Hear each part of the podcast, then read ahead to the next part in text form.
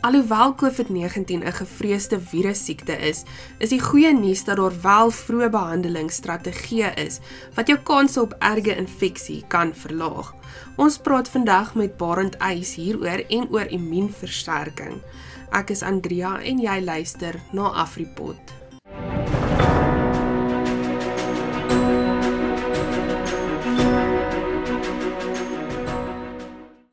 Ons verwelkom vandag vir Barend Eis, Afriforum se hoof van navorsing in ons ateljee. Dankie vir jou tyd, Barend. Baie dankie Andreas vir my voorreg om hier te wees. Eerstens Barend, kan jy vir ons bietjie verduidelik waar staan ons tans in hierdie COVID-19 pandemie? Andrea, ek dink laat ek net heel eers begin en vir mense sê, hulle moet asseblief onthou ek is nie 'n uh, mediese dokter nie. So gesels asseblief met jou eie huisdokter, jou mediese dokter vir mediese raad. Maar ek kan wel sê dat ek die afgelope jaar baie gelees het en ek gee graag natuurlik my mening. Ek dink die belangrikste ding wat ons nou moet doen as ons dink oor COVID-19 is dat ons moet perspektief kry. En ek dink dan moet ons terugkyk waar dit alles begin het. En ons moet onthou, die begin van COVID-19 was hoorie Jesus splinter nuwe virus waaraan mense nog nooit blootgestel is nie. Daar was menings wat gesê het dit gaan 'n absolute skrikwekkende storie wees want mense gaan geen weerstand teen die virus hê nie. En toe is daar hierdie baie groot besluite deur owerhede geneem om byvoorbeeld hierdie vreeslike inperkings daar te stel en natuurlik sulke goed te doen soos om die dra van maskers verpligtend te maak. En Afriforum het ook gesê ons steun hierdie hierdie maatreëls want ons weet nie ons kort inligting en natuurlik gee dit vir die owerhede 'n kans om beter voor te berei en natuurlik te gee vir ons tyd om te verstaan. So ek dink waar ons nou is, is ons is meer as 'n jaar later en ons verstaan beter. So ek dink dis die beste ding om mee te begin. Ons sê ons weet al meer. Soos dit ook nou bekend geraak het, is Afriforum baie nou betrokke by die geveg vir ivermectin en die gebruik daarvan. Kan jy vir ons meer vertel oor vroeë behandeling vir COVID pasiënte en wat dit alles behels? Ja, ek dink dalk is dit die Daar's twee baie belangrike dinge wat ons geleer het sedert die aanvang van die pandemie en die een belangrike ding wat ons geleer het is dat die vroeë behandeling van COVID-19 is moontlik. Goed.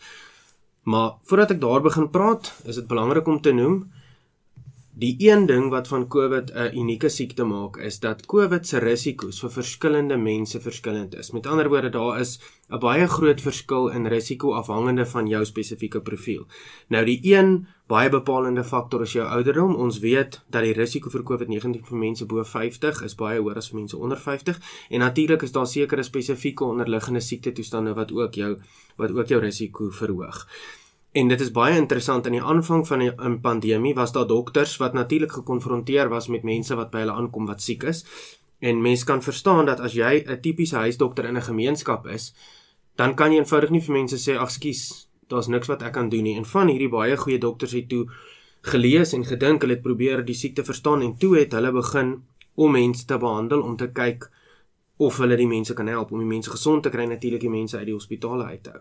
So die eerste roep wat hulle gemaak het is hulle het gesê oor die veral as daar nou baie pasiënte is, dan moet jy op 'n manier kan kies wie jy kan behandel. En die eerste lyn wat hulle toegetrek het is hoorie as jy onder 50 is of onder 45 gee vir jou so 'n paar ietsie gaan huis toe en as jy slegter word laat weet jy maar die mense ouer as dit moet jy natuurlik nou um aktief behandel. En natuurlik weet ons COVID is vir party mense regtig die simptome wat jy ervaar is maar sulke goed soos jy het lyfseer, jy het hoofpyn soos griepsimptome, maar die mense wat op die ount baie sieker word van COVID is regtig nou baie siek en ons weet van die mense eindig in die hospitaal op en natuurlik sommige van die mense ongelukkig gaan dan nou ook dood. Maar waar vroeë behandeling die verskil kan maak is en dit is eintlik die hele punt van vroeë behandeling is om te keer dat mense ernstig siek word, om te keer dat hulle in die hospitaal beland en natuurlik uiteindelik om te keer dat hulle dat hulle doodgaan. So die dokters het toe gaan dink en hulle het begin om die siekte al beter te verstaan, die verskillende fasette van die siekte en is baie interessant. Byvoorbeeld die dokters in Zimbabwe wat die behandeling uitgewerk het, het gesê hierdie is 'n is 'n virus op 'n manier, dit is nou bietjie moeilik om dit tegnies te verduidelik, maar dis iets soos 'n vigsvirus. So hoe behandel ons vigs? Ehm um, so tipe ehm um, mRNA virus, hoe behandel ons hom? ons gebruik verskillende medisyne om dit te behandel. Ons probeer nie net een medisyne gebruik nie. Dis presies wat die dokters toe gedoen het. Hulle het gesê, "Kom ons gebruik 'n kombinasie van medisyne" en hulle het regtig baie groot sukses gehad. Die die een baie mooi storie wat ek kan vertel is die twee um vroue dokters van Zimbabwe, Dr Landman en Dr Stone. En 'n groep dokters het hard gewerk om so 'n kombinasie te kry wat werk en hulle het toe in Augustus verlede jaar het hulle die eerste keer Ivermectin by hulle kombinasie van medisyne gesit en hulle het dadelik het hulle agtergekom hier's 'n ding wat 'n reuse impak maak. So waar ons vandag staan is ons weet daar's regte goeie effektiewe behandeling beskikbaar. Ehm um, volgens Dr Pieter McCullough, hy's 'n baie bekende dokter in die FSA, volgens sy raming met goeie effektiewe behandeling as dit bekend was en gedoen was, sou mens omtrent in die FSA byvoorbeeld 85% van sterftes kon verhoed het. So ons daar's baie sekerheid oor die effektiwiteit van die vroeë behandeling tans. En sommige van die vroeë behandeling strategieë, wat behels dit? Is dit nou maar jou ivermectin en so voort?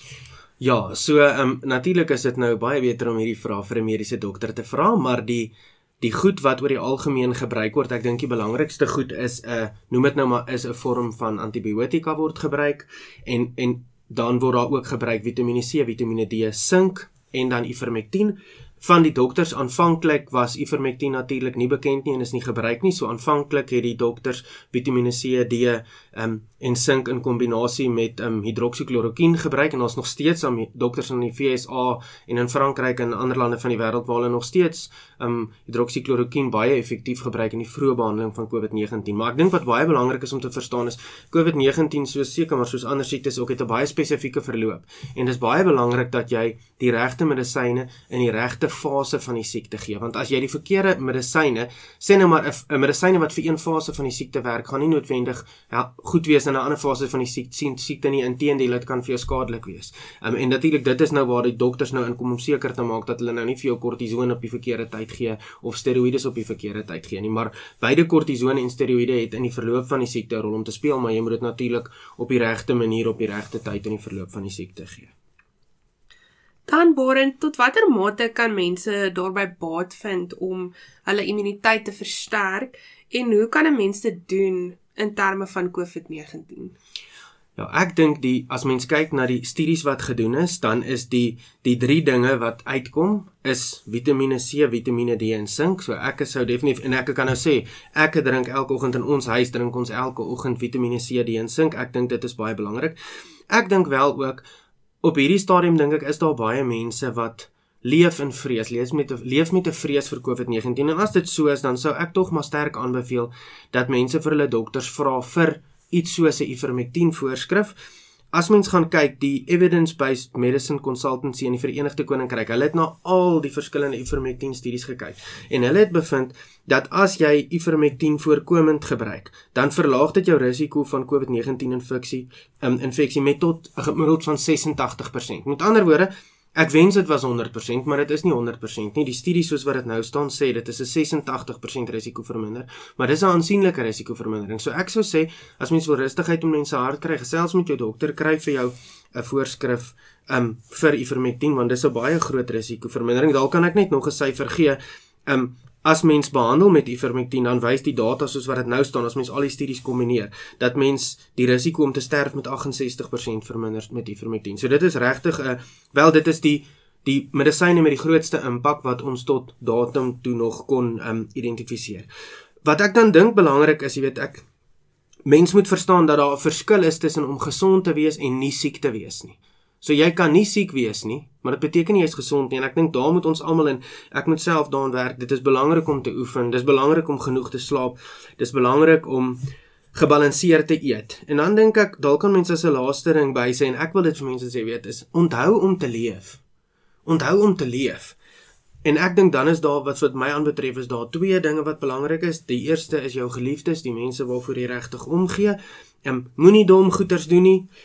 Maar ek dink Ja, moenie dom goeters doen nie, moenie aangaan en almal met 'n oop mond sien nie, dis regtig 'n dom ding om te doen, maar waardeer jou geliefdes, sorg dat jy jou geliefdes steeds sien, dat mens steeds daai bande bou want ek dink in so 'n tyd is dit verskriklik belangrik. En dan is die ander ding dink ek is geloof is vir ons nou belangriker as ooit. Ons lewe in 'n baie onseker tyd. Um, ons staar baie groot uitdagings in die gesig en dan is die een ding wat ook vir mens rustigheid en kalmte kan bring is om weer regtig erns te maak met geloof en weer daai versekering en versterking daar te kry. En dan laastens Barend, daar is gerugte in die samelewing en sienings dat 'n mens glad nie immuniteit het teen 'n virus soos COVID-19 nie omdat dit 'n nuwe virus is. Wat is jou mening daaroor? Man, weet die die lekker ding is dat ek nie hoef nie 'n mening te gee nie, weet ons kan net na die data gaan kyk en dit is dat die baie baie mense, die meerderheid van mense herstel van COVID met noem dit maar met minimale intervensie nê, met omtrent noem dit nou maar met omtrent niks bykomende hulp nie. Nou en dan kan ek vir sê die enigste manier hoe jy gesond word as jy nie medisyne kry nie, is jou eie immuunstelsel. Nou weet ons gelukkig, daar's goed wat jy kan drink, daar's medisyne wat jy kan gebruik om jou te help om vinniger te herstel. Maar die feit is, al hierdie medisyne, dis nie asof dit 'n medisyne is wat op een of ander manier jou nou gesond maak nie. Die medisyne help jou liggaam, help jou immuunstelsel om hierdie virus uit te sorteer. So ek dink ons kan gelukkig wees, ons kan vir mekaar sê, gelukkig weet ons nou dat mense se immuunstelsel die vermoë het Die meeste mense se immuunstelsel sorteer COVID-19 uit. Natuurlik is dit 'n goeie idee om daai immuunstelsel te versterk en te help met medisyne wat ek nou al so 'n bietjie bespreek het om jou te help om vinniger gesond te word, maar dit is definitief nie hierdie supervirus wat eintlik kyk as jy sê jy het geen immuniteit daarteenoor dan is dit eintlik 'n doodsvonnis, dis wat dit dan is. En ons weet nou dit is nie so nie. Maar natuurlik is daar baie spesifieke hoë risikogroepe wat ek dink regtig hulle self baie mooi moet oppas en alles in hulle vermoë moet doen om te keer dat hulle COVID-19 kry. En onder andere beteken dit vir my drink Vitamiene C, D, sink, gaan praat met jou dokter oor wat jy nog kan doen, iets soos 'n voorskrif um, vir ivermectin. Maar nee, ek dink en ek dink dit is belangrik dat mense moet ook verstaan konstante vrees en spanning is nie goed, dis nie goed vir 'n mens nie. Dit gaan ook nie goed vir jou gesondheid wees nie. So mens moet op 'n manier op 'n plek kom waar jy sê ek maak vrede met die goed waarna ek niks kan doen nie en dit waaraan ek iets kan doen, dit doen ek wel en dat mens net op 'n punt kan kom en weer eens dat mens kan leef, jy weet, sonder vrees en sonder onnodige spanning. Mens het maar altyd daarvan in mense lewe. Maar dit is belangrik want op die ount is ons 'n hele wese, nê. Ons is ook nie net noem dit nou maar net iets wat biologies is nie. Daar's ook iets anders. Jy weet, daar's ook 'n dimensie van gees en siel en dit moet ook reg wees en dit is dan kom ons maar weer terug na die belangrikheid van 'n ondersteuningsraamwerk, geliefdes, uh, mense waarvoor mense omgee, vriende en natuurlik ons geloof. Dankie Barend, ek dink hierdie inligting sal baie mense ter harte neem en ek dink dit gaan baie mense help ook. Dankie vir jou tyd vandag. Dit was 'n baie groot plesier, dankie Andrea.